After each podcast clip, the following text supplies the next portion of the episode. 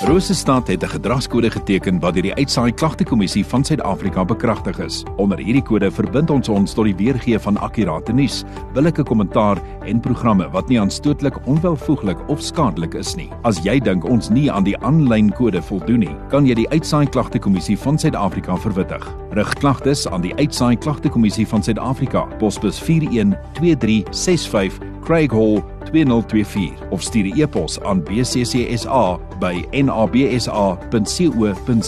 Vir verdere inligting, besoek www.bccsa.co.za.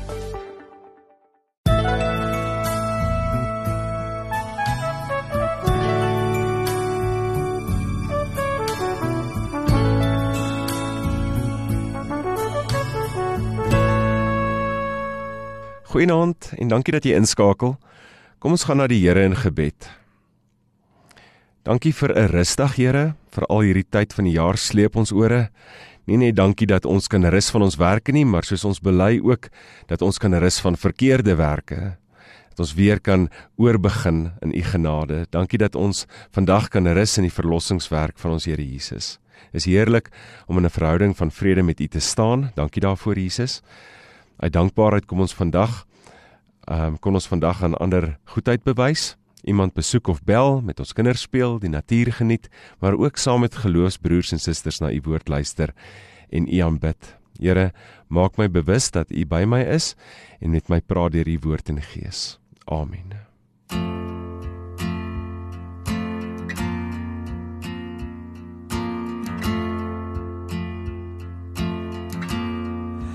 What can I give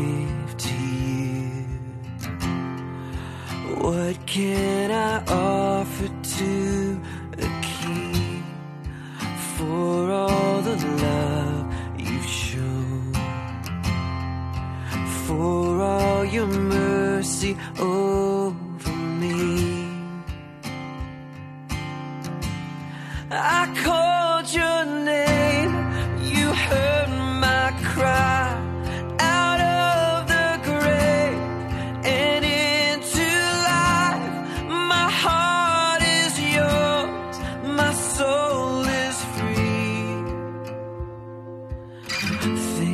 God, for saving me. Thank you, God, for saving me.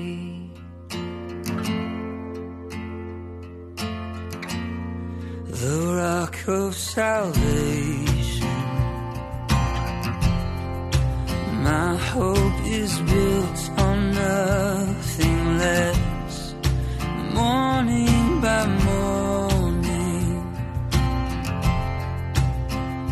How great is your faithfulness?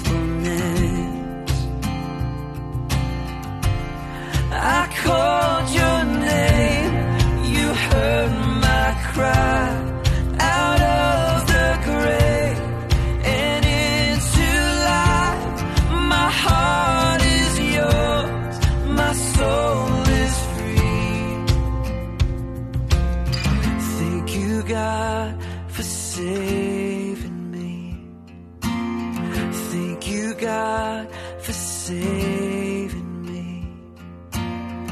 Thank you, God, for saving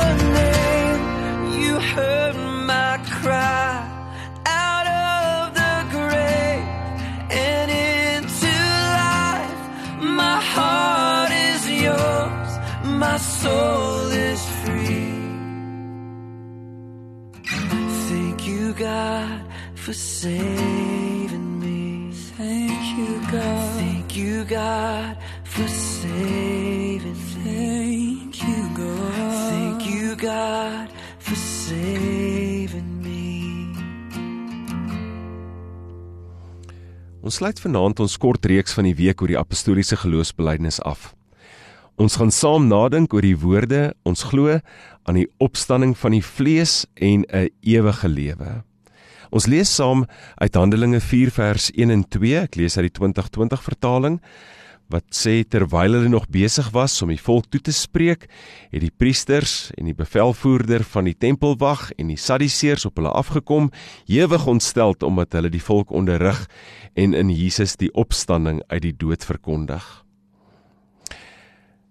Dis wat Johannes en Petrus gedoen het nadat die Gees uitgestort is.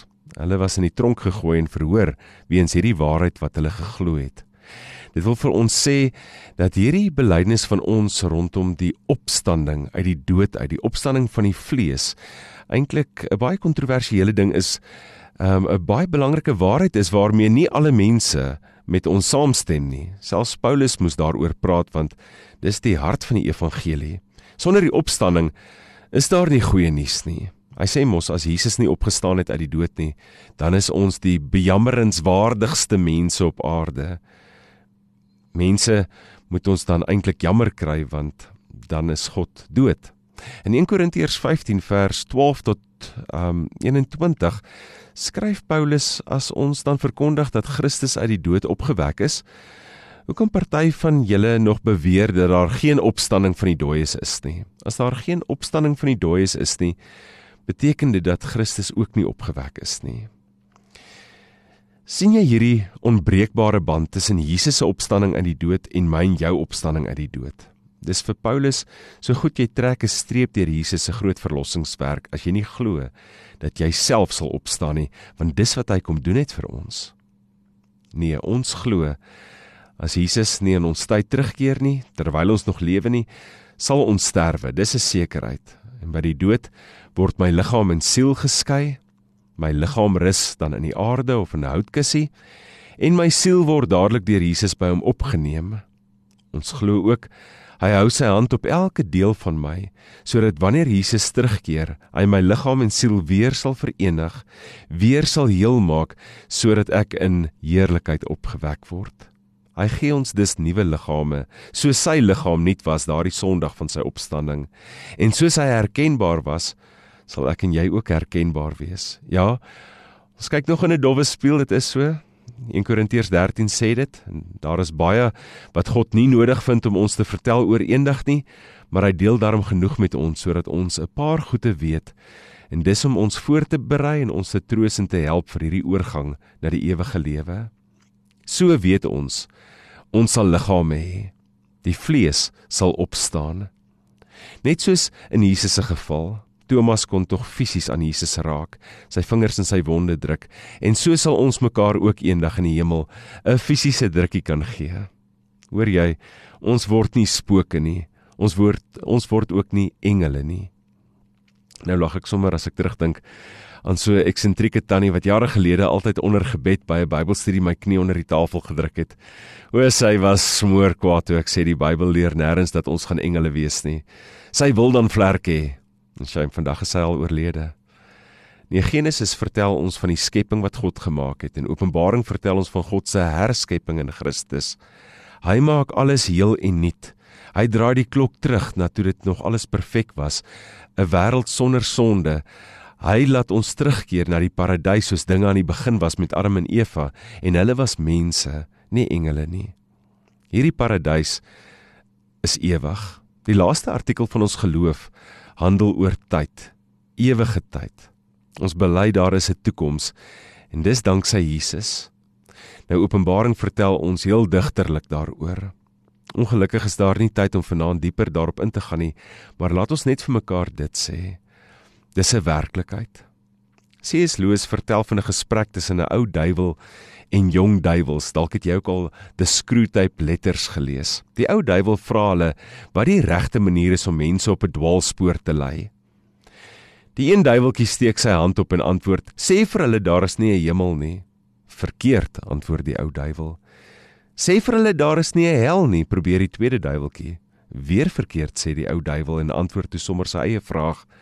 Moet hulle nie probeer oortuig dat daar geen hemel of hel is nie, maar probeer hulle wel oortuig dat daar geen haas is nie. Die kerk van Jesus glo en bely daar is 'n ewige lewe.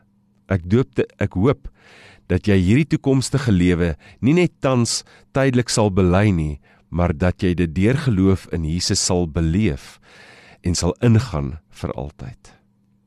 Ons bid saam. Here, daar is so baie wat ons wil weet, maar ons wil nie spekuleer en raai nie. Laat wat U ons wys in die woord genoeg wees sodat ons nie neskierig agter die gordyn wil kyk na wat eintlik godskennis is nie. Dankie vir die week se oordeenking van die inhoud van u kerk se geloof. Mag dit sake vir ons verhelder het. Vrae opgelos het, maar ook goeie vrae dalk by ons losgemaak het. Maar Here, vul ons ook met verwondering en lof vir u. Ek bid vanaand vir die mens wat hier luister U weet of dit iemand is met 'n gesin of iemand is wat eensaam is, of dit iemand is wat hartseer of angstig is of bly is, iemand met min of baie is. Seën asseblief my medesoeker en reisiger. Ons bid vir siekes en mense onder druk en wat voor onsekerhede en uitdagings staan. Vat asseblief ons hand en lei en bewaar ons hierdie week met vertroue in U, bid ons dit. Amen. Hemel voluit genade.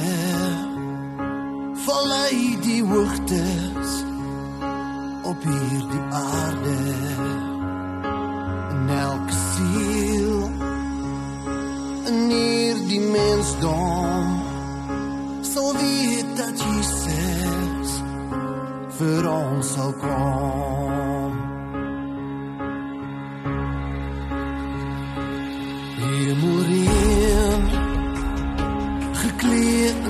strale vloei oor die berge in deur die dale. En elke mens genees gebroken word in sy naam weer gebore